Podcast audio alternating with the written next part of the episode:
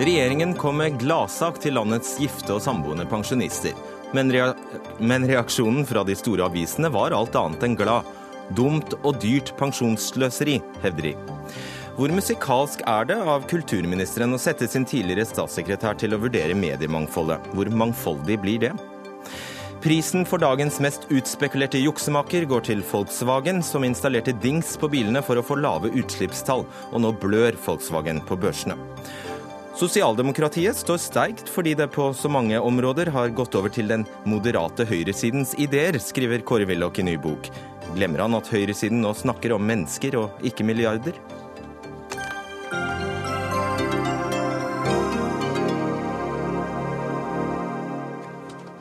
God kveld og velkommen til Dagsnytt 18 denne mandagen. Mitt navn er Fredrik Solvang. Kostbar populisme og pensjonssløseri. Slik lyder lederartiklene fra landets største aviser VG og Aftenposten om regjeringens gavepakke til norske pensjonistpar. For Fremskrittspartiet har fått gjennomslag for å redusere avkortningen i garantipensjonen garantipensjon, eller grunnpensjonen, for gifte og samboende pensjonister.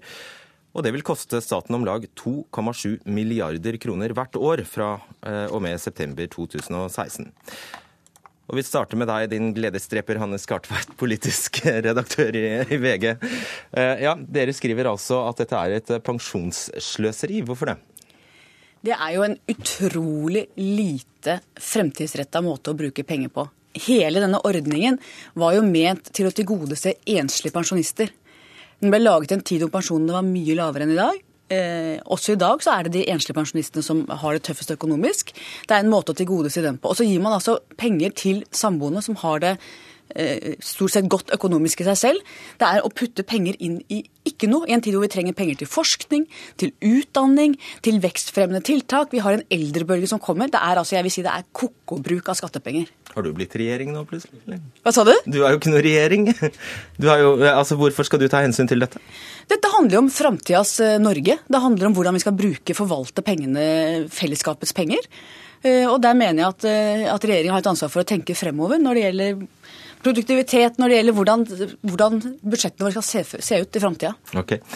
Harald O. Nordmann, generalsekretær i Pensjonistforbundet. La oss ta tak i eh, dette Skartveit eh, snakker om, nemlig opprinnelsen. Det er jo sant som hun sier, at det var ikke slik at dette først og fremst var en eh, ordning der gifte og samboende får mindre. Det var omvendt. Det var slik at enslige skulle få mer. Ja, Derom strides de lærde, for det heter avkorting av grunnpensjon og ikke en forhøyelse av det andre. Så det, er en avkorting av grunnpensjon for gifte samboende.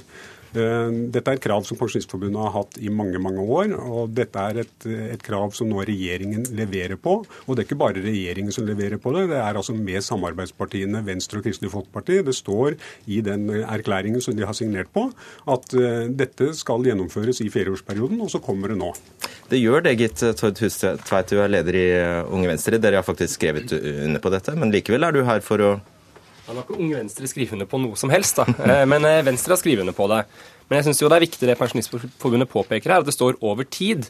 Eh, og jeg tror kanskje ikke det her er riktig budsjett å bruke 2,7 milliarder kroner på en gave til samboende ektefellende pensjonister. Jeg tror det er et budsjett hvor man heller burde prioritert vekstfremmende tiltak. Og sikre f.eks. at unge får stå i arbeidslivet. For det er en ting vi vet er viktig. For pensjonssystemet vårt er underfinansiert. Og skal vi ha råd til å finansiere den personen som Pensjonistforbundet gjerne ønsker seg, så trenger vi at unge kommer seg inn i arbeidslivet. Vi trenger å skape verdier. Og det burde vært hovedvekten på det budsjettet her, og ikke da en gave til pensjonister, som de jo det her er snakk om ganske rike pensjonister som strengt tatt ikke har behov for det. Men jeg kunne sett poenget hvis det gikk til enslige pensjonister eller minstepensjonister, men det her er en gruppe som har veldig mye penger. Kanskje de løper ut og, og uh, gjør noe vekstfremmende for pengene?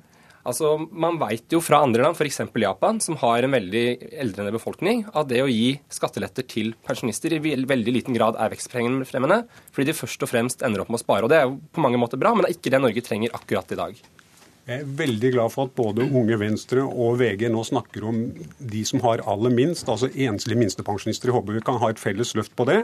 Det må komme i tillegg til det som regjeringen har lovt. Og vekstfremmende, altså Det er jo ikke sånn at pensjonister mottar en pensjon og putter den under puta og lar den forbli der. Nei, de får bruke de pengene på lik linje med oss lønnsmottakere. Og bare for å ta et eksempel. Når jeg går i butikken for å kjøpe en liter melk, så møter jeg en pensjonist som kjøper akkurat den samme liter melk, og den koster akkurat det samme. å forbruke ønsker akkurat de samme pengene som kommer inn i et system som kommer tilbake til storsamfunnet gjennom avgifter.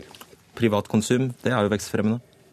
Nå tror ikke jeg at de fleste pensjonister i Norge mangler penger til melk i utgangspunktet. Det dette handler om, er jo generasjonsregnskapet. Det handler om solidaritet mellom generasjoner. Vi har nettopp hatt en stor pensjonsreform som gjør at, at de som blir pensjonister i fremtiden, får en dårligere pensjon enn de som har blitt pensjonister nå, med levealdersjustering og en del andre tiltak som sparer inn. Dagens pensjonister, eh, nå er det sikkert mange som blir sinte, i hvert fall de som er blant de yngre av dagens pensjonister, har det veldig godt økonomisk. De er på en måte dessertgenerasjonen, de som får de beste pensjonene, har de beste ordningene med lån Lånekasse, med husbankfinansiering osv. osv. Vi vet at når jeg blir pensjonist, og enda mer når du blir pensjonist, ungdommen her, så vil det være helt andre økonomiske eh, betingelser på ren pensjon. Vi må spare mer til våre egne ting. Så, og når du snakker om minstepensjonister, de også i tillegg. altså Vis litt måtehold. Måtehold, ok, unnskyld. Måtehold la, det, det, det, er regjeringen som har kommet med forslaget for, for en forbruk på 2,7 milliarder kroner i 2017. Det er ikke Pensjonistforbundet. Vi har et krav inne på det, men vi har et prioritert krav som sier at vi skal gjøre noe for de som har absolutt minst. Så hvis, regjeringen, hvis regjeringen da ønsker å vri dette fra en, en, ordning hvor du skal gjøre noe for de som har en avkorting, er i en situasjon med en avkorting, og lempe det over for å gjøre noe for, for de som har aller, aller minst, minst, ja, så skal vi være med på den diskusjonen. Men deres krav er jo faktisk å fjerne hele avkortingen. Ja, ja. Vi har mye, Hvor mye vil det koste, da? Vi har, kan du gange det opp med tre. Vi har, vi har mye fint i vårt prinsipprogram, og, og mitt, mitt, arbeid er jo også å få gjennomslag for det. Ja, Det er jo mye dyrt i deres prinsipprogram òg, da. Eh, og jeg mener at det her handler om en, en generasjonsrettferdighet, som Hanne er inne på. At uh, pensjonssystemet er en generasjonskontrakt, hvor uh, min generasjon nå betaler inn penger. så deres generasjon, da, som snart skal ja, kanskje snart, nei, litt slem med dere, da, men som etter hvert skal gå av med pensjon, eh, får da pensjon betalt rett ut fra eh, lomma til min generasjon. Eh, men nå begynner vi å få en skjevhet hvor det blir veldig få i arbeid og veldig mange pensjonister. Og Hvis man da skal klare å beholde folketrygden sånn den er i dag, skal klare å beholde et sikkerhetsnett som sikrer at alle får like muligheter i Norge, så må vi gjøre noe. Og Da kan vi ikke si mer, mer, mer, men vi må prioritere. Og Jeg skulle ønske at Pensjonistforbundet kunne komme med noen sånn med noen forslag da, Hvordan ønsker dere at fremtidens folketrygd skal se ut? Hvordan vil dere gjøre det systemet her bærekraftig? Vi har prioritert, og vi prioriterte på vårt landsmøte, og det var at vi skulle gi mest til de som har absolutt minst. Og, og Da håper jeg du er med på det. Og så er det sånn at pensjon er utsatt lønn. Det er dine egne penger vi driver og snakker om. Da må jeg bare spørre deg, Hvis du sier at dere vil at uh, mest skal gå til de som har minst, så er jo dette særdeles lite treffsikkert. Dette treffer jo alle. Det treffer alle som er gift. Ja. ja. Det er jo og, veldig lite treffsikkert. Ja, og Derfor så sier jeg at dette er et, et, forslag som er kommet fra regjeringen inn mot budsjettet 2016-2017. Men vi har overfor regjeringen sagt at vi har skrota alle våre krav fordi at vi så at minstepensjonister Det er 55 000 enslige minstepensjonister som lever av en pensjon under den definerte fattigdomsgrensa. Og Det håper jeg VG kan skrive noe om. Det håper jeg at Unge, Høyre, nei, unge Venstre kan si noe om, og at alle andre partier er med på et løft der. Skartveit, det er jo eh, det er jo et faktum at veldig mange av de vi snakker om her, lever Altså det er 1 G, og det er altså under 100 000 kroner. Det er, Og så får du noen tilleggspensjoner, vel å merke, men det er mange som lever for under 200 000 kroner. Og Det gjør jo dette forslaget fra regjeringen enda mer meningsløst. At det er til de som er gift og har mye penger. Eh, det er jo ren populisme. Dette er jo, men ikke alle, like, ikke alle av de gifte har mye penger. Nei, men De som er gitt, har iallfall mye bedre økonomi enn de som er enslige. Og så er det et gammelt prinsipp i Norge ikke sant? fra det gamle bondesamfunnet at når, når gamleparet trekker seg tilbake, så skal de ikke ha mer på kår enn at den nye generasjonen som tar over gården, skal klare å drive videre og forsørge seg og sine. Og det, det må, perspektivet må vi ha inne hele veien, også når det gjelder pensjon. At vi kan ikke ha et samfunn hvor så mye går til pensjonistene at de som er igjen og jobber, ikke klarer å bære det. Uh, Husveit, Statsbudsjettet, hva er det på? 1200 eh, milliarder kroner, og så hisser du deg oppover 2,7? Ja, men nå må du huske på at 2,7 i dag blir jo fort ganske mye mer i takt med at det blir flere pensjonister. Eh, og det er klart 2,7 milliarder er mye penger, og vi skal ikke, selv om vi har mye, late som at det her er lite. Og så syns jeg det er et viktig poeng med grunnpensjonen, og det er at det er det viktigste elementet for omfordeling i pensjonssystemet vårt. Og når man da sier at vi skal gi til de som trenger det mest, vi skal gi til de som har størst behov, så ser jeg her at poenget er at folk som bor, er enslige, har et større behov enn de som bor sammen. Og Da syns jeg det er helt fair at de som bor sammen, får litt mindre. Og jeg syns det er bra Pensjonistforbundet her sier at vi skal prioritere de som har minst. Og Det syns jeg skal være grunnsteinen i den norske velferdsstaten. Og da håper jeg dere kan være med oss og si til regjeringa at dette er et dårlig forslag, la oss heller gi mer til de som trenger det mest. Og da henger jo ikke deres egen politikk eh, på greip, for hvis du skal prioritere de som har minst, så bidrar jo dette tiltaket i hvert fall til å øke spriket mellom pensjonistene. Ja, da, ja da. Så, så, du må jo nesten bestemme deg. Hvis regjering, jeg bestemmer meg. Arbeiderpartiet regjeringen- jeg- dere kan ikke ha mange er kampsaker. ikke, jeg er ikke regjeringen. Nei, nei, Hvis regjeringen mange vil- kampsaker Hvis regjeringen ville eh, slette ut klasseskillene, ja, så hadde de fremma et annet type forslag. Men betyr Det det dette egentlig at dere ikke er med Nei, på vent nå litt, forslaget? Vent nå litt. Dette forslaget innebærer en endring i, i det gamle pensjonssystemet. Så det er ikke riktig at du har en 2,7 milliarder i evighetens perspektiv. Det fases ut over tid for at du kommer over et nytt pensjonssystem som ikke har disse eh, regnestykkene med seg i det hele tatt. Så, så det er ikke i, i evighetens perspektiv det er ikke sånn at du får lide av dette. Når, Men grunnpensjonen skal jo være med videre. Grunnpensjon skal være Og med videre. avkortningen skal være med videre. Når man da senker avkortningen, så vil jo det påføre en større kostnad på neste generasjon. Avkortingen skal være med videre for de som ikke har så stor opptjening at ikke de har full, full uttjening. Akkurat, Og det er jo snakk om ganske mye penger. Også over tid. Ja, er det det? Er det snakk om så mye penger? Når, når du ser det totale statsbudsjettet, og så snakker vi her om 2,7 Du kan ikke milliarder. mene 2,7 milliarder Ja, ikke er mye penger. Eh, Skartveit, politisk, hva skjer med denne saken? Eh, Vi, Arbeiderpartiet vil ikke stille Nei, og Vi skriver jo på lederplass at vi håper at Venstre og KrF også tar til eh, vettet, selv om de har skrevet under på denne avtalen. Men jeg syns det er interessant hvis det er sånn at eh, Frp selv ikke har med Pensjonistforbundet egentlig på denne prioriteringen i det som skulle være et frieri til alle landets pensjonister. Det syns jeg er interessant å merke seg. Vet du hva, Vi setter strek der, og så får vi se, rett og slett se hvordan det går. Takk skal dere ha, Hanne Skartveit, Harald O. Nordmann og Tord Hustveit.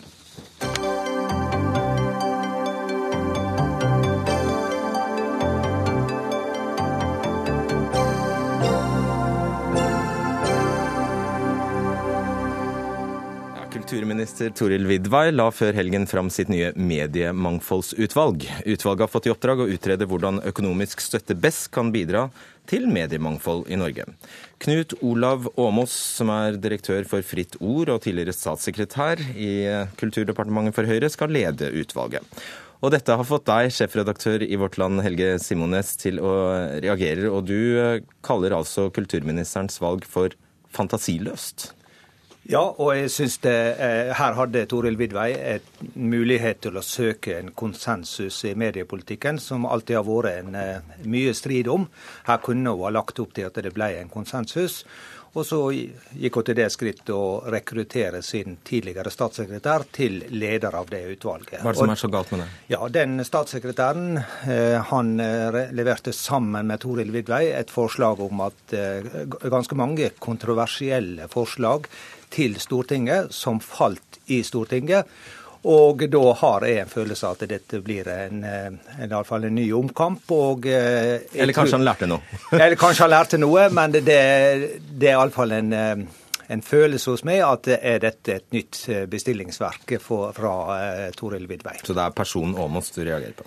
Ikke personen Åmås, men eh, rollen eh, som Åmås har hatt. For eh, Knut Olav Åmås han kjennes som en eh, flott kar, og eh, har ikke noe å utsette på han. Har masse personlige kvaliteter, men den politiske rollen han har hatt, og ikke minst det at han sitter som leder av en maktinstitusjon innenfor eh, kultur og, eh, media, nemlig Fritt Ord.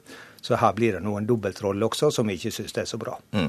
Det kan vi komme tilbake til. Men eh, kulturminister Toril Vidvei eh, fra Høyre, kan du, med, du kan vel innrømme at det er litt fantasiløst? Absolutt ikke. Jeg er utrolig glad for at alle som ble spurt, svarte ja. Dette er et meget godt utvalg de, med en veldig solid bredde. Med medievitere til folk som har erfaring fra både å være journalister til å være redaktører. eh, Representere ulike deler av vår bransje. Representere eierne gjennom MBL. Representere LLA, eh, som Hva er LLA? småavisene. Eh, Landssammenslutningen for de små avisene, lokalavisene. Eh, ikke minst representere over 100 aviser. Her har du et bredt sammensatt utvalg med en meget dyktig leder. Eh, Knut Olav Åmås er i dag direktør for Fritt Ord. Han er medieviter, han har vært redaktør, og han har også vært innom politikken. Og så er det også sånn at dette utvalget er fritt og uavhengig. Det er altså en NOU, og i tillegg så er det altså ikke en del av deres mandat å foreslå at du skal redusere produksjonsstøtta. Det er ikke noe av mandatet deres. Så her tar altså Helge Simonås totalt feil. Eh, Jeg har ikke sett noe antydning om at det skal redusere, redusere pressestøtta. Det er ikke det som har vært mitt eh, anliggende. Det er at eh, han er, en, han er, ikke en, uavhengig person når han så kort tid etter eh, har forlatt eh, Kulturdepartementet og går inn i den posisjonen han har i dag. Så ville jeg, hvis jeg var statsråd, valgt en, en mer samlende person som ikke hadde stått for å fronte eh, politiske saker så tydelig som Knut Olav Åmås hadde gjort. Og det er veldig mange andre dyktige personer som finnes i Norge, som hun kunne ha valgt iblant. Men det gjorde hun altså ikke, og det syns de blir fantasiløst. Bare ta dette her med at han også da eh, Det føles litt rart å sitte og snakke om når han ikke er her, men, men, bare ta det at han da er leder for Fritt Ord, som Simones riktig påpeker er veldig mektige i Norge. Og får mange offentlige penger. Absolutt, men han har eh, ikke offentlige penger. Han har jo eh, bl.a. en del penger som videre, de får. Sluser videre til bl.a. Mm. å være med på å støtte mange gode offentlige prosjekter. Mm. Men han har jo hans bakgrunn både som medieviter og som redaktør, og ikke minst også at han har vært innom politikken, men at han har den posisjonen i dag som jo nettopp setter eh, viktige spørsmål relatert til mediemangfold og ytringsfrihet på dagsorden, har jo nettopp vært med på å styrke hans kvalifikasjoner. Og jeg mener at han er mer mer enn godt kvalifisert til å kunne lede dette. Jeg kjenner også hans ifra, han jobbet nært han. Han er effektiv, han har eh, evne til å klare å få synspunktene fram. Og jeg føler meg veldig trygg på at dette utvalget er fritt og uavhengig. De kommer til å komme fram med forhåpentligvis konklusjoner som kan være til nytte i vårt arbeid i det videre løp. Og Når vi da ser på den totale sammensetningen av dette utvalget, så er du ikke helt fornøyd med den heller? Nei, Jeg registrerer jo at det er en del eh, grupperinger som ikke er med. En, en, god del grupperinger er med. Og så er det Skipsted, det største mediekonsernet i Norge, som ikke er representert. Og så er det Norsk Journalistlag, og så er det de avisene som er representerer, nemlig de meningsorienterte avisene, som eh, mottar ganske mye pressestøtte. De er holdt utenfor. Og det er den kombinasjonen av valget av utenlag, ut, utvalgsleder og den den hun velger som leder av utvalget, som jeg reagerer på. Og så er jeg ikke i tvil om at disse folka, kjenner alle disse folka. De er utrolig dyktige, de er kompetente. Det er ikke i tvil om at de vil gjøre mye bra jobb. Men det blir en ørlite usikkerhet. Har det vært en agenda her? Hva er det? Og det er den som man ikke kan tillate seg i politiske prosesser. Og det er det Toril Vidvei burde tenke på. Jeg registrerer at uh, Helge Simonøs er også alene med denne kritikken. Og selv representanter fra det største opposisjonspartiet i Stortinget, Arbeiderpartiet, sier at de har tillit til dette utvalget. De roser at utvalget er nedsatt, og også fremhever kvalifikasjonene til Åmås. Da kan du ikke ha noe større skivebom enn den kritikken som kommer fra Helge Simonøs her. Og jeg må også skynde meg å si at både de avisene som du representerer, er medlem av MBL de avisene som alle de små lokalavisene er medlemmer av LLA, som betyr at de også er representert i utvalget. Du har rikeslig anledning til å kunne ta telefonen til Randi Jøgreid og snakke med henne om de problemstillinger som du ønsker skal bli fremsatt i dette utvalget. MBL er til stede i utvalget og kan frembringe dette på vegne av Skipsted og alle okay. andre. Svar på det. Ja, og det kan jeg love deg at den anledninga skal, det, det skal vi bruke godt. Men eh, her handler det om hvem det er som sitter i frontlinja og diskuterer disse sakene. Og det er det som jeg er opptatt av. Og så er det jo det mange forhold der som, eh, som ikke går an å, å løse gjennom et, en oppnevnelse av et utvalg. Men jeg har pekt på noen faktorer her. Og det at jeg tilsynelatende er alene i å kritisere, det er ikke noe argument i seg sjøl. Jeg forventer at du skal ta det ut fra argumentets tyngde, og ikke ut ifra hvor mange som, som kritiserer det. Hva skal dette ende med? Ja, de skal jo forhåpentligvis komme fram til en, eh, en, noen gode konklusjoner. Så jeg vil jo tida gjenstå om de klarer å samle seg om noen konklusjoner, eller om det kommer til å komme med noen dissenser. Det vil eh, Normalt sett så har en NOU uh, ulike kanskje problemstillinger som blir belyst, og at de også kan komme fram til delte konklusjoner. Det vil tida vise. De skal fremlegge sin innstilling våren 2017, og det er jo da et utvalg som regjeringen da vil se på når vi skal liksom legge fram våre forslag for Stortinget. Du får kaste deg på telefonen? Vi kaster oss på telefonen og jobber hardt. Det skal vi gjøre. det er bra. Takk. Helge Simonis og Toril Lydvei.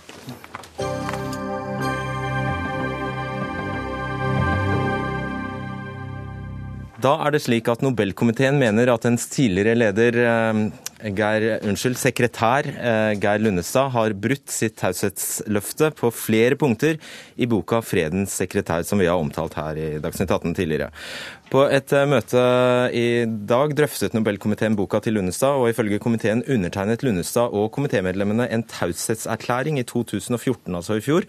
Lundestad eh, skal på flere punkter ha brutt sitt taushetsløfte, heter det i uttalelsen fra komiteen. Knut Magnus Berge, utenrikssjef i NRK, vet du noe mer om dette? Nei, jeg vet det du eh, har sagt, men eh, det er jo klart dette er en betydelig skrape til eh, Lundestad. Lundestad brukte jo som en av sine begrunnelser da han utga boka forrige uke, at han mener at det må komme mer åpenhet rundt Nobelkomiteens arbeid. Komiteen slår her fast at det er ikke opp til Lundestad å vurdere. Det er hans plikt å etterleve det han sjøl har skrevet under på, og slik sett så gir de han en skrape. La oss høre hva Geir Lundestad selv sa da han møtte Martin Kolberg her i Dagsnytt 18 eh, på torsdag. Eh, på hjemmesidene deres, altså på ditt eget institutts hjemmesider, så står det at Nobelkomiteen offentliggjør ikke navnene på nominerte, verken til media eller til eh, kandidatene. Men det har du altså gjort nå? Nei, det vil jeg stille meg sterkt tvilende til. Da må du fortelle meg et eksempel. Du nevnte f.eks. Canadas eh, utenriksminister som en jo, mulig kandidat. Det var, jo, det var jo offentlig kjent at uh, han var en kandidat for prisen. Dette ble jo diskutert i media. Hvis han skal uh, være i nærheten av, vil jeg si, og, komme i, og liksom tilfredsstille at han er fredens sekretær, så burde han jo skrevet om politikk kritikken om omstendighetene rundt det, og ikke gått inn i alle disse karakteristikkene og begått det som er et helt åpenbart brudd på det som er normen for Nobelkomiteen, nemlig at der skal det være hemmeligheter knyttet til dette. Være hemmeligheter, sier altså Martin Kolberg. Eh, en skrape, sier du, men hva, kan han risikere noe? Nei, ikke i den forstand. Altså, Geir Lundestad er ikke lenger tilsett i eh, Nobelinstituttet. Han er ikke lenger eh, sekretær for Nobelkomiteen. Han er ikke direktør ved Nobelinstituttet. Slik sett så kommer ikke dette til å få noen praktisk følge. Men det er klart det er en skrape. Eh, Nobelkomiteen eh, slår her fast at det skal herske en sekretess. Det skal altså være en atmosfære rundt den eh, komiteen som gjør at man kan drøfte der fritt og åpent uten å risikere at det kommer ut til offentligheten. Eh, og Komiteen slår da som samla komité fast at den sekretessen den har Lundestad brutt. Ja, og Hvis det var snakk om bare statuttene, så var det én sak. Men nå når det viser seg at det altså er en, underskrevet, en underskrevet avtale, så er det kanskje noe mer alvorlig? Ja, for Lundestad sin del så handler jo dette òg om han har eh, gått for langt i, denne saka. Han sier sjøl at han eh, vil komme med en pressemelding i morgen, og er uenig i den konklusjonen som Nobelkomiteen er kommet fram til. Men så er det jo spørsmålet, da. Hvem er det som kan definere det? Er det Lundestad eller komiteen? Og så skal vi bare mm, få med oss at eh, vi har vært i kontakt med Lundestad, som ikke vil si noe før i morgen, som du sier, da han eh, kommer med en pressemelding. Takk skal du ha, Knut Magnus Berge.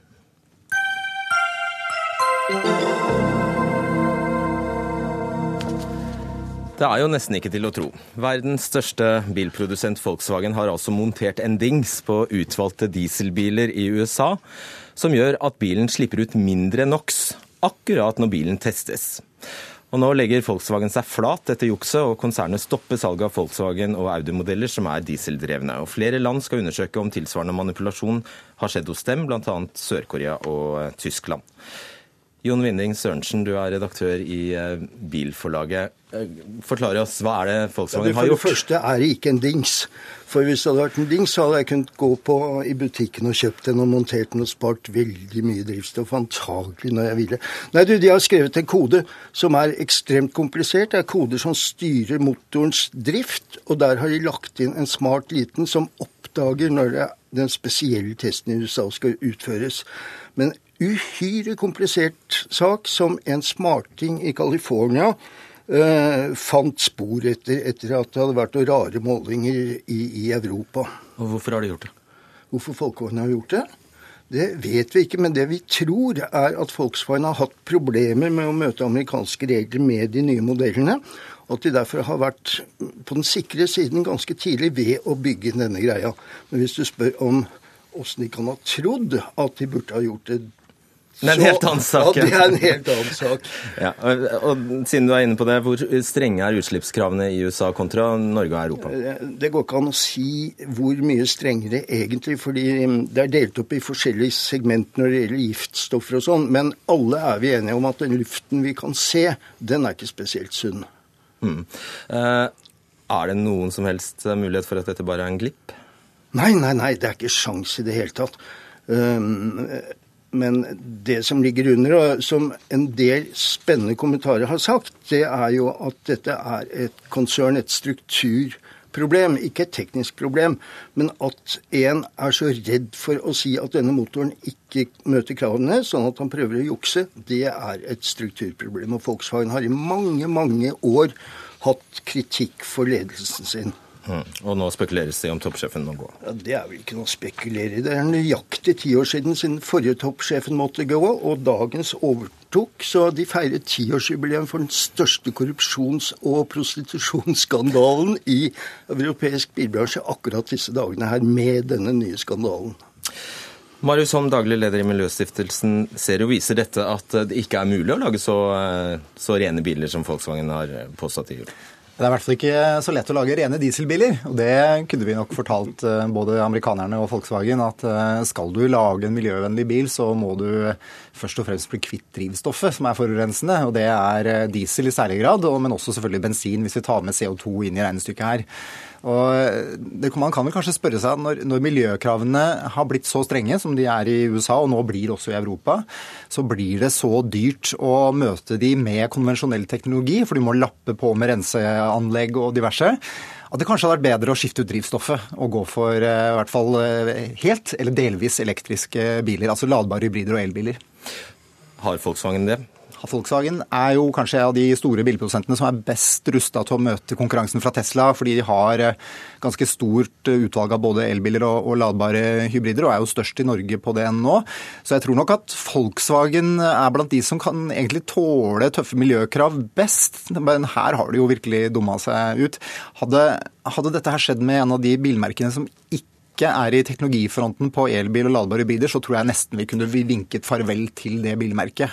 Men det er så alvorlig? Ja, det er så alvorlig. Mens eh, Volkswagen nok er i stand til å riste det av seg og møte kritikken nå med å kjøre på med ny teknologi som fjerner utslippene helt, altså elektriske biler. Og bare for ordens skyld, dette er snakk om lokale utslipp, ikke CO2. Mm. Men det er mye det samme, fordi eh, vi har akkurat samme problemet med CO2. Altså Tallene som eh, kommer ut av de testene er veldig feilaktige. Når vi eh, kjøper en bil som visstnok skal ha 85-90 gram, som jo høres ganske lavt ut, så har den fort 120-130 gram CO2-utslipp. Så det er egentlig det samme problemet der. De eneste bilene som leverer null utslipp både i teori og praksis, det er jo de bilene som eh, går på strøm. Så sant de går på norsk strøm, da.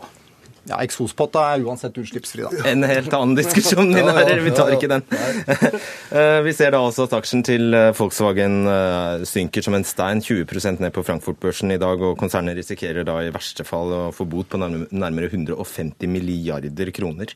Ja, Det tror jeg ikke kommer til å skje, for det er maks uttelling. Og de har lagt seg flate og samarbeider med de myndighetene som kan ilegge de bøtene. Men det er jo andre saker. Det er allerede innledd kriminell etterforskning. Det er ganske skummelt. Og i USA får jo enorme erstatninger for tort og svie. Og her kan det da bli en gruppesak mot Volkswagen hvor nesten 500 000 kunder, pluss antagelig kundenes naboer, som også er utsatt for mer NOx enn det de hadde trodd, kan gå til en grupperettssak mot Volkswagen. Og da begynner vi å snakke penger. Og Én ting er jo om det har vært en kultur der som har gjort at man ikke har turt å varsle. En annen er jo om ledelsen har visst om dette. Ja, Det er jo det spennende med etterforskningen nå, om dette er eh, beslutninger som er tatt på høyt nivå, eller, eller som eh, Vinning Sørensen er inne på, at dette er en person som har hatt et ansvar og ikke turt å varsle om at han ikke klarer å løse problemet uten å jukse. Det blir jo veldig spennende å se. Han nekter Men, å tro at Winterkorn har peiling på det. Det er ingen som har fortalt den at vi driver og jukser med noe. Ja, det er toppsjefen. Men uh, like fullt er det hans fulle ansvar. The buck stops here. ikke sant? Det er en gammel amerikansk presidentgreie. Det er toppmannen som har ansvaret. Og han må gjerne skyve det nedover, men utad er det han, altså. Ja. Det er klart at eh, det her blir eh, uansett en alvorlig skrape for eh, Volkswagen. Når det gjelder, altså, det er klart at Et merkenavns rykte blir veldig skada av en sånn sak. Samtidig så, så vet vi av erfaring at ryktet har en tendens til å altså, Omdømme det er noe man, kan, noe man har for å bruke det, og så klarer man å bygge det opp igjen. Så synder blir fort glemt. Men det er klart at i politikken nå framover så, så, vil ikke dette bli glemt så fort. Og jeg eh, har en forhåpning om at denne avsløringen skal medføre noe veldig positivt. Nemlig at eh, politikerne, særlig særlig på EU-nivå, får øynene opp for at vi må eh, tenke teknologiskift hvis vi skal ha en miljømessig forsvarlig bilpark.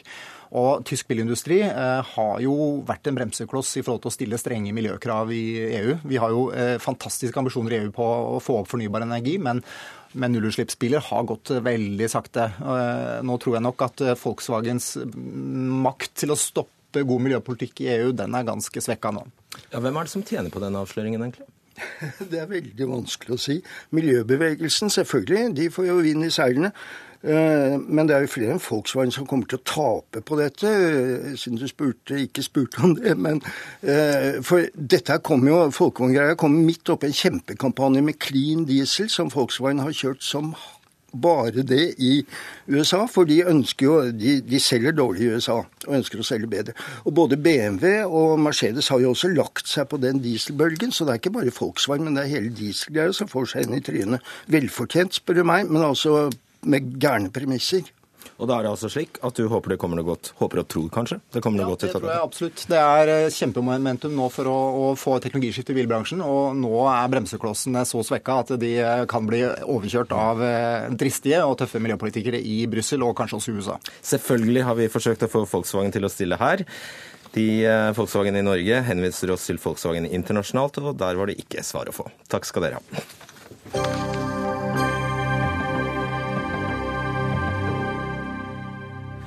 Vi møtte klar og sterk motstand fra venstresiden hele veien, men deretter godtok de fleste av dem det hele.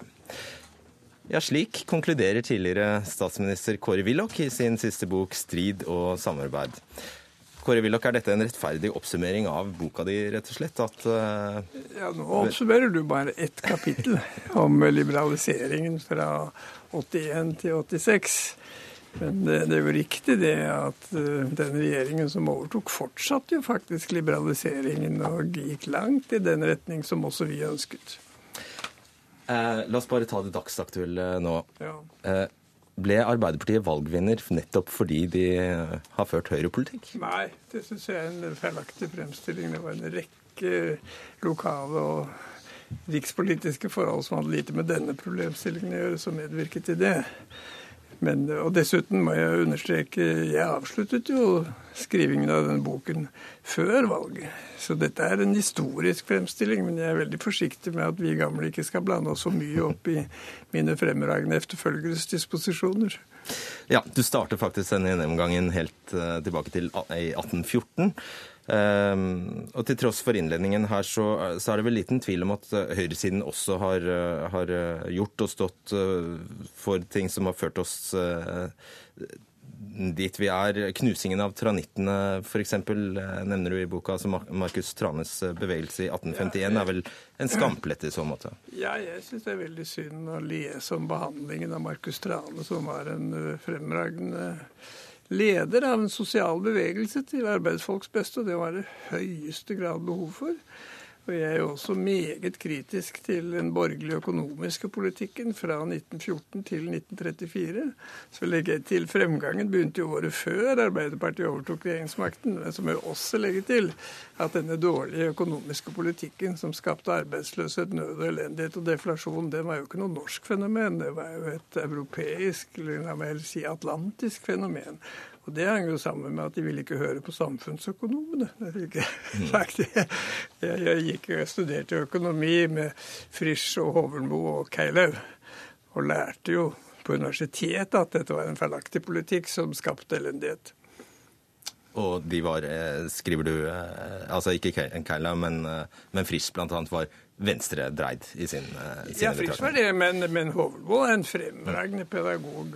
Han var ikke dreid i noen retning. Mm. Jonas Gahr Støre, leder i Arbeiderpartiet. Du har rukket å lese boka, går det forlydender om? Ja, til de grader, faktisk. fordi før helgen så ble jeg kontaktet av Morgenbladet som spurte om jeg ville anmelde den.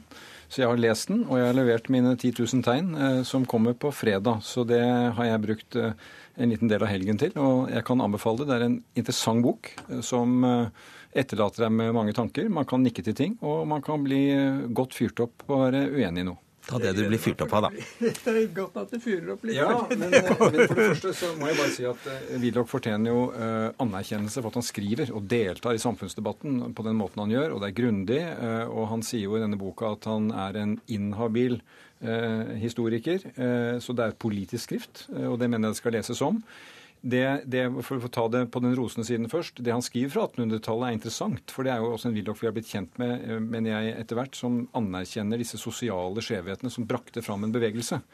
Uh, og, det skriver han om, også helt opp til vår tid, hvordan kapitalismen uten kontroll, markedet uten kontroll, helt til vår dag bærer galt av sted.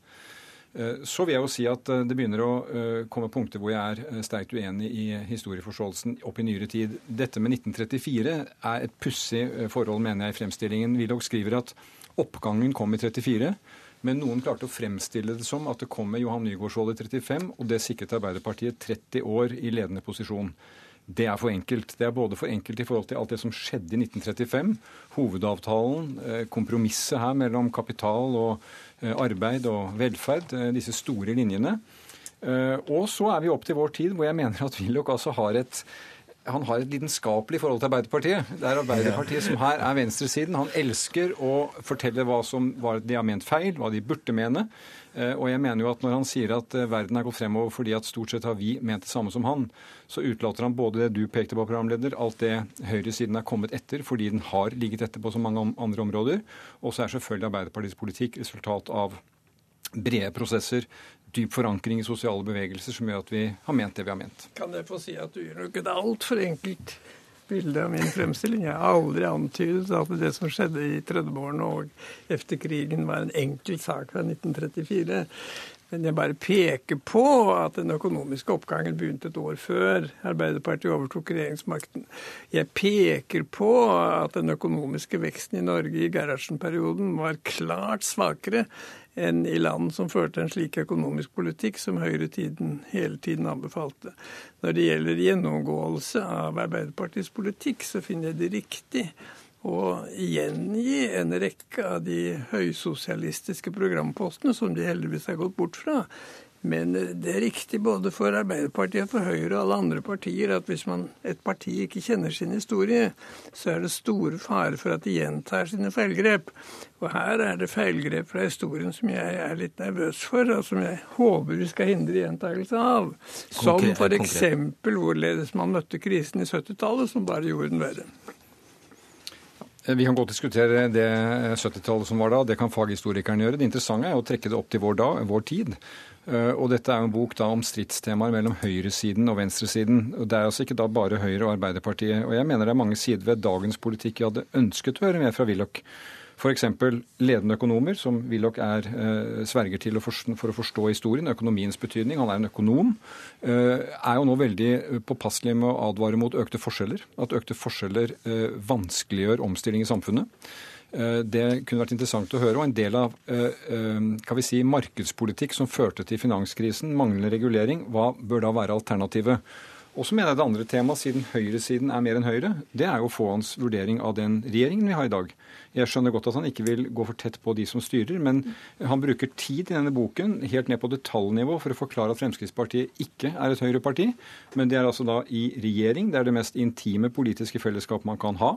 De, vi får nå eh, politikksaker knyttet til integrering, knyttet til klima, hvor altså høyresiden er hans Høyre og Fremskrittspartiet.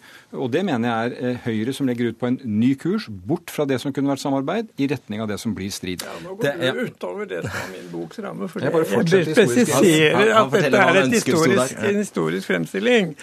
Men, men, jeg har lyst til å understreke dette at eh, for det første forskjellene begynte å øke i Norge år, det året da min regjering ble kastet, Arbeiderpartiet overtok. Jeg nevner ikke det for å antyde at det skyldtes skiftet, men det bare viser hvor overfladisk denne debatten om forskjeller kan bli. Nei, jeg bare, jeg bare nevner dette, for jeg hører av og til at det andre er jeg helt enig i at de økte forskjeller er et problem og skader veksten i verdensøkonomien. Men det henger i betydelig grad sammen med forhold utenfor Norge. Og så vil jeg minne om jeg har i andre bøker skrevet nokså grundig dette her, at det er helt feil å tro at kapitalister kan klare seg uten offentlig kontroll. De er mennesker som andre og prøver å karre til seg, og man er nødt til å ha et grundig offentlig kontrollsystem. Det var jo allerede økonomiens klassikere.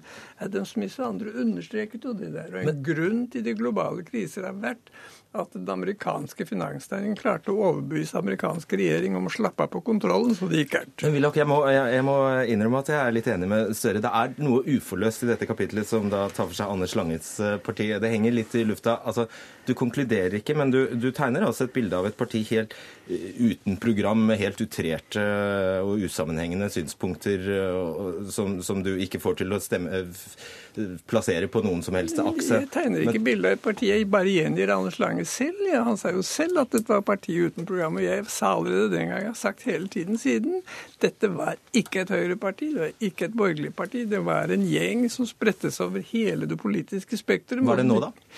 Ja, nå vil jeg være litt forsiktig, fordi jeg er, jo, jeg er jo varsom med å gå inn i den dagsaktuelle politikk. For jeg syns vi gamle skal være litt forsiktige med liksom å blande oss inn i vår utmerkede efterfølgerpolitikk. Men jeg vil understreke dette. Det er kolossalt viktig å vise måtehold med de offentlige utgifter. Og det er klart viktig å, å, å få en rettferdig fordeling. Jeg må si de legger stor vekt på en rettferdig fordeling. Din kritikk av lettelser i formuesskatten er jeg ikke enig i, fordi det er et helt annet formål. De har det formålet hindre at utlendinger overtar for meget eiendomsretten til norsk næringsliv. For når norske eiere blir formuesbeskattet så meget at de selger, så er det noe gærent. Men uh, Willoch har satt punktum for sin egen bok. Det er hans fulle rett. Og jeg mener, eh, de har kritisert ham for det han ikke har skrevet, det er litt, litt, uh, litt vanskelig. Men jeg mener, når et av budskapene er at han håper at man i dag ikke gjentar feil fra 70 70 så mener jeg vi også kan, andre kan påpeke at i en bok om strid mellom høyre- og venstresiden, så hører det hjemme at høyresiden har fått et nytt uttrykk gjennom dette. Så mener jeg også at denne boka eh, beskriver eh, på en interessant måte velferdsstaten som et felles prosjekt. Willoch ender opp der at der ble vi egentlig enige, alle står bak den. Og jeg har som leder av Arbeiderpartiet sagt at vi skal aldri være de som sier at det var vårt verk alene. Jo flere er med på dette, jo bedre.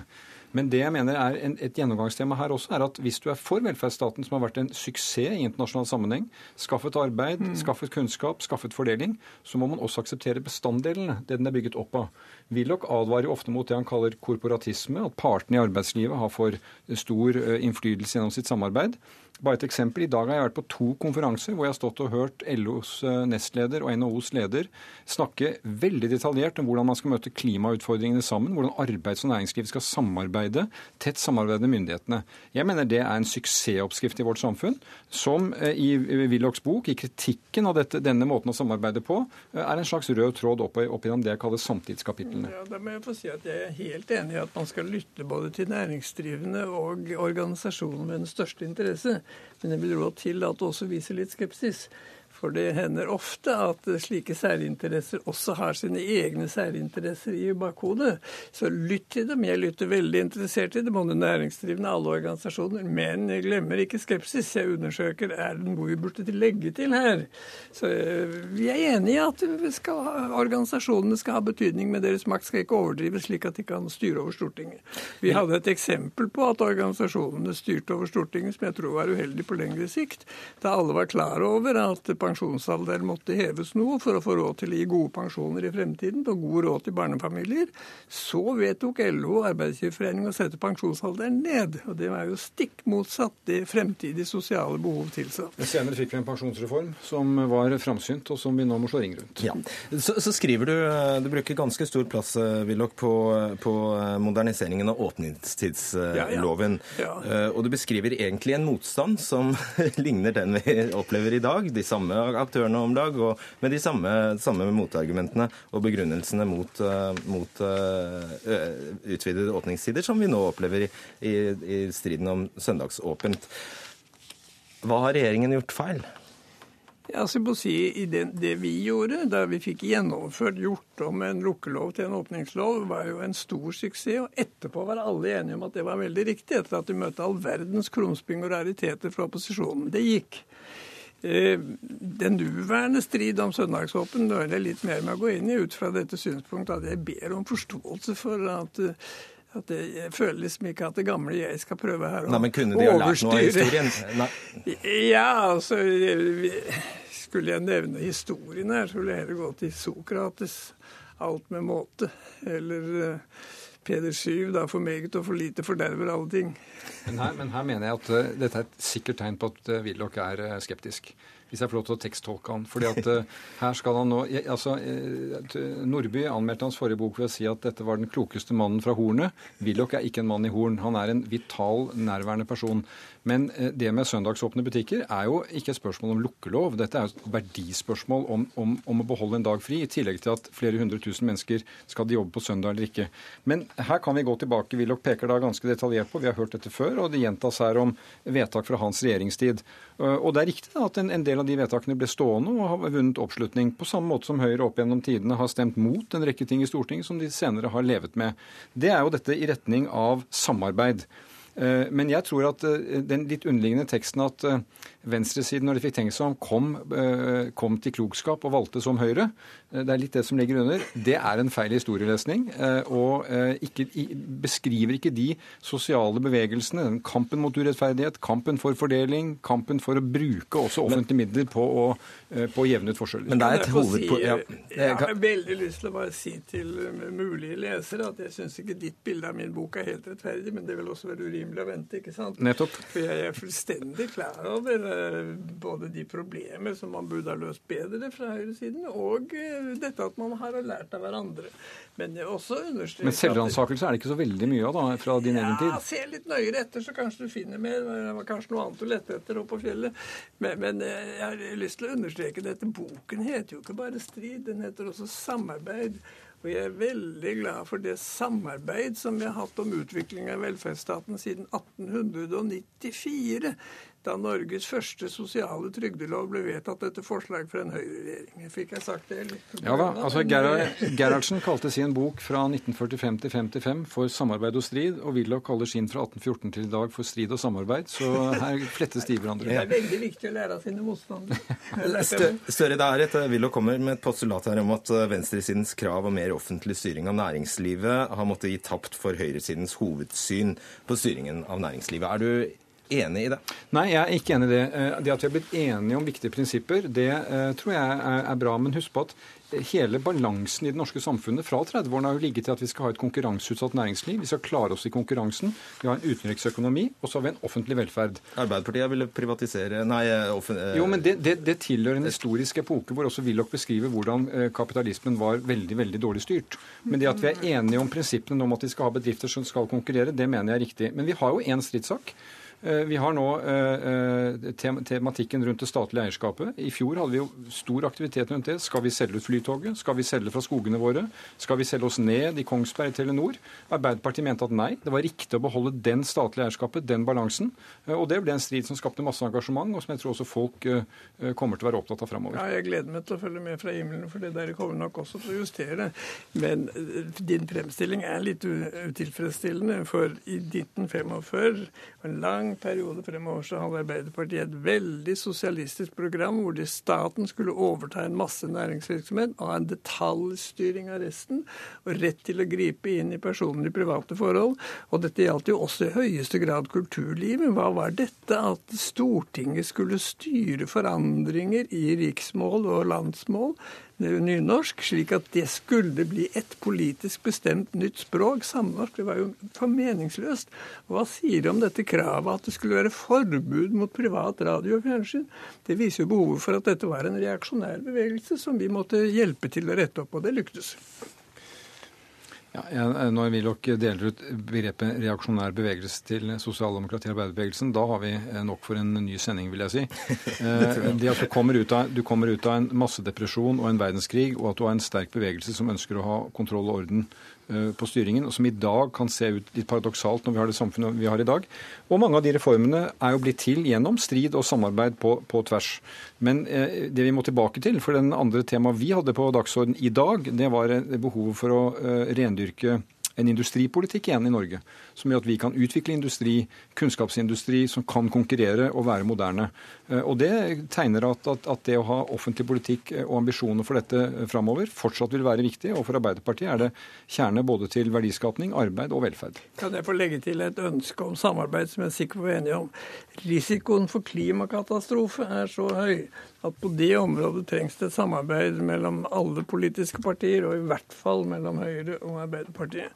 Og skulle jeg få si litt, litt om min egen metode, eller de metodene jeg tror virker best, så er det at man må være villig til å gjøre det dyrt å forurense.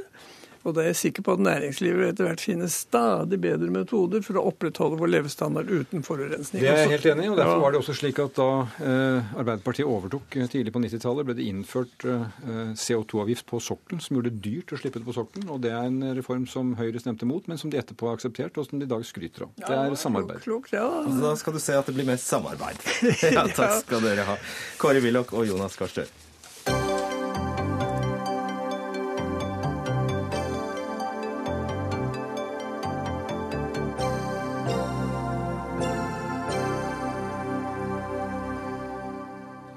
nær sagt eh, aldri en Dagsnytt 18 uten uh, en liten bolk om Hellas. Venstrepartiet Syriza og partileder Alexis Tsipras gikk seirende ut av helgens nyvalg i Hellas og fikk 35,5% av stemmene. Men Syriza fikk bare 145 av 300 representanter i parlamentet, og har dermed ikke tilstrekkelig flertall eller støtte til å danne regjering alene. Og Dermed står Hellas fortsatt overfor store utfordringer for å få landets økonomi tilbake på beina. Det er det vel ingen tvil om, europakorrespondent Åse Marit Befring, du er i Hellas. Ja, Utfordringene står i kø for, eh, for eh, og Syriza, det er helt klart. Eh, han blir jo nå sverget inn som statsminister i kveld. Eh, og I morgen så regner man eh, med å ha denne nye regjeringen eh, på plass. Det blir en koalisjonsregjering med det partiet som han var i koalisjon med sist også, uavhengige grekere, et parti på høyresiden. Og Til sammen så får de ca. 155 av de 300 setene. Dvs. Si at de har flertall i parlamentet. Men det er klart, nå skal de brette opp armene, og det er en veldig vanskelig jobb som står foran dem. Og så var valgdeltagelsen lav. Er folk lei av alle disse valgene? Ja, Det var rekordlav deltakelse, rundt 55% Det var ned fra 63% i januar, som også var veldig lavt. Og du kan si at Den største vinneren i dette valget det har vært hjemmesitterne, med 45% oppslutning. Og Det reflekterer jo bare en veldig dyp skuffelse over alle politiske partier som har regjert. Det er ingen tegn på bedring. Det er ingen som gir dem noe håp lenger etter innsparinger og skyhøy arbeidsledighet i flere, flere år. Og så er det altså tredje gang de har blitt bedt om å gå til valgurnene bare i år. Det er femte valg på seks år. Så det er klart grekere begynner å bli lei. Kan man da tolke det slik at eh, folk er mindre lei av Syriza enn av de andre? Ja, det er klart man kan tolke det slik. Kanskje er uh, fortsatt uh, Alexis Tsipras et friskt pust. Han blir i hvert fall sett på det blant veldig mange unge grekere som da uh, gikk til valgurnen i går. Eh, det var regnet med at rundt 20% ikke vil gå til valgurna Det, men flere har nok eh, i siste liten ombestemt seg. Han blir altså sett på som en som kommer utenfra det etablerte politiske etablissementet. Eh, og han er en veldig karismatisk leder. Og det har nok også fått veldig mange til å stemme på Syriza. Det skyldes nok først og fremst han. Eh, at eh, så mange tross alt da gikk og stemte på Syriza. Det var en overveldende seier. Ingen hadde trodd dette her på forhånd. Eh, og så ser man da det andre store opposisjonspartiet. Det, de har verken en karismatisk politisk leder, og de har dessuten også De bærer nærmest fortidens byrder, for å si det sånn, ved at de har vært ansvarlig for denne økonomiske krisen. Så kanskje ser man et visst håp, da, i hvert fall, med Syriza ved roret. Takk skal du ha, Ås Marit Befring. Steinar Juel, sjeføkonom i Nordea Markets. Du er for så vidt også overrasket og kaller dette valgutfallet underlig?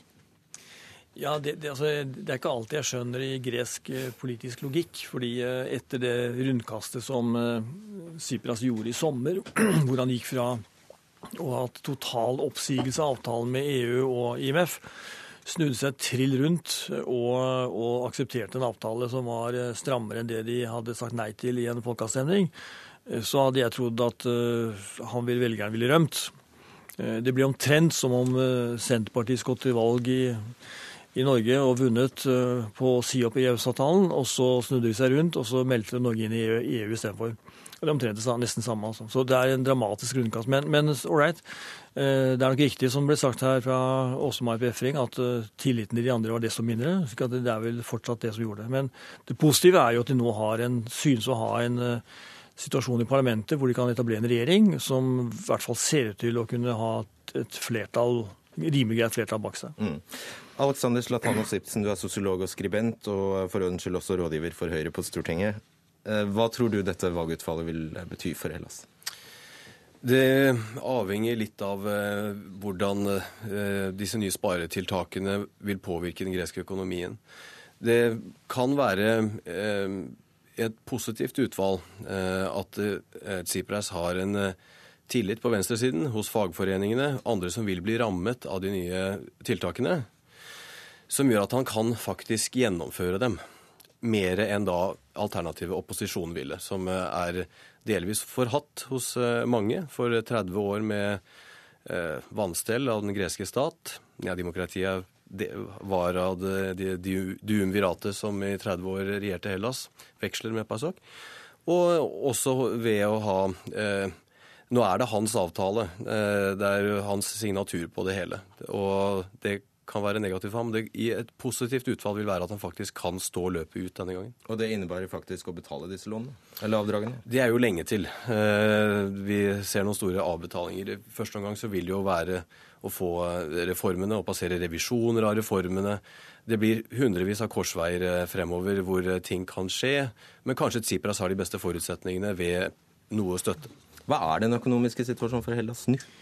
Nei, de, eh, de, henger jo i en tynn tråd, eh, som da er knyttet til at de stadig får pe mer penger fra Den europeiske sentralbank, og etter hvert også lån fra EU-systemene nå ellers. Eh, de har et banksystem som eh, nesten ikke fungerer. Bedrifter får ikke lån, de får snaut nok betalt ting som de importerer fra utlandet. Så det er en veldig vanskelig situasjon. Eh, så de må få stabilisert økonomien, finanssystemet ikke minst, slik at eh, det kan begynne å fungere normalt. Og så må de gjennomføre de reformene de nå har avtalt. Eh, og uten at det skal være mye, mye vanskeligheter rundt det. Bygge opp tillit er det som er den store overskriften her. Og da er det ikke snakk om å reforhandle denne avtalen med EU? Det vil bli noen tak til. Det er et par såre punkter. men det ville det også blitt med opposisjonen hvis de hadde vunnet i går. Eh, men hvor mye forhandlingsrom man har, det er, er, jo svært begrenset. EU har jo sagt tydelig fra nå at eh, tiden løper fra oss. Nå er det egentlig bare å komme seg til parlamentet og stemme gjennom reformer. Hva, hvem er dette høyrepartiet som man er avhengig av? Jernes er en, eh, ut, et veldig ferskt parti. eller Det, kommer, det er et, et, produkt av krisen, den pågående krisen. Oppsto i 2012 da en gruppe fra Nea Demokratiet eh, ikke gikk med på å sette inn en teknokratisk regjering, hvis vi husker tilbake et, tre år. Eh, de dannet da et anti-memorandum-parti. Det er eh, populistisk, høyrepopulistisk, eh, nasjonalkonservativt. Og lederen, Kamenos, de kom seg, som, som mange så, med et skrik inn i parlamentet igjen. Og nå blir det ny runde i regjering. Det er på konservativ gresk kulturside med gresk-ortodoks kirke og tillit til Forsvaret. Og bare denne konstellasjonen gjør vel at du har dekning for begrepet underlig? Ja, det er jo en merkelig konstellasjon, det. Definitivt. Eh, nå ser jeg også at nå kommer jo også eh, det gamle sosialistpartiet inn igjen, altså PASOK, som er nærmest det du kan si nå er et sosialdemokratisk parti. Eh, og de er jo villige til å støtte, sånn som jeg ser det, skjønte, også regjeringen i i parlamentet, men ikke, ikke, ikke, gå inn i regjeringen. Så det gjør at man har litt flere ben å stå på. Og det også er positivt med tanke på at man skal gjennomføre en del uh, viktige reformer her. Og hvor man enkeltmedlemmer av parlamentsgruppen til både Syria og kanskje dette konservative partiet i perioder kan uh, la være å stemme for regjeringen. Det, sånt er jo ikke uvanlig. I gresk politikk. Nå skal jo ikke vi slå oss på brystet av eh, verdens høyeste valgdeltakelse, men eh, hvor elendig er dette her? Det er historisk elendig. Jeg tror vi må helt tilbake til 1946, når det var borgerkrig i Hellas for å finne lavere, og den greske venstresiden boikottet valget. Så dette er helt historisk. Og i nyere tid, og som man gjerne sier etter juntaen, så har det aldri vært så lavt. Mm. Takk skal dere ha for at dere kom hit og snakket om Hellas i dag, Steinar Juel og Alexander Zlatanos Ibsen. Denne sendingen er over. Ansvarlig for den var Dag Dørum. I teknikken satt Finn Lie, og i studio Fredrik Solvang.